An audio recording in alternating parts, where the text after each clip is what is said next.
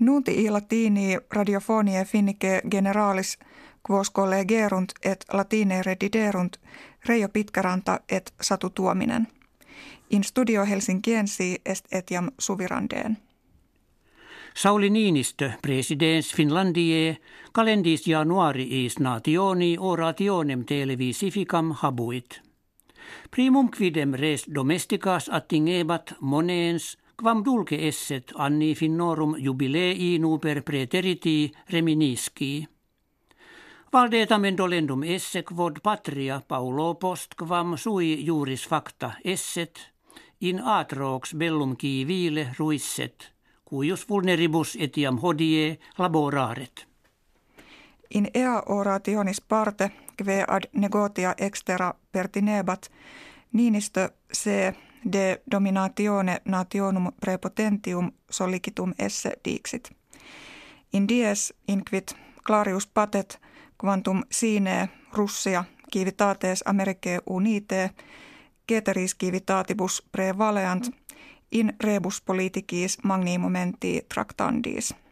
Unio Europea secundas partes agit et auctoritas ordinis nationum unitarum deminuta est. Die mercurii mane duces coree septentrionalis et coree meridiane telefonike inter se collocuti sunt. Quem sermonem per lineam calidam sic dictam habuerunt. Via consultationibus itapate facta speratur fore ut tensio politica inter utramque civitatem paulatim remittat. Convenit jam ut Korea septentrionalis atletas ad Olympia hiberna mitteret. Moderatores Israelis nuntia verunt civitatem suam ab UNESCO sive ordine educationis scientie culturae nationum unitarum seque suram esse. In causa esse quod ordo ille iterum atque iterum Israelem agressus esset. Decretum anno proximo ex eunte valere incipiet. Constat in suffragiis sepe accidisse ut fautores Israelis cladem acciperent terris arabicis iis adversantibus.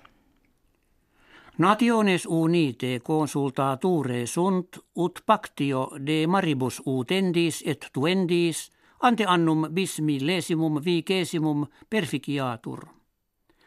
Saltem centum quadraginta terre illi consilio favent.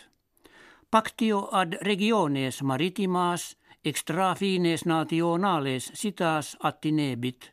Ubi difficultates propter actiones economicas nimis liberas orte sunt.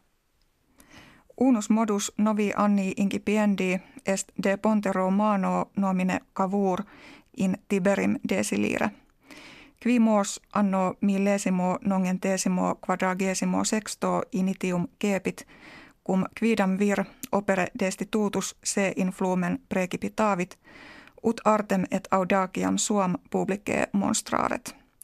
Hoc anno vergente, quattuor homines eandem rem gesserunt. Investigatores americani lingvam cornicum discere cupiunt. Arbitrantur enim illas aves magna voge crogitantes, aliquo modo inter se colloqui.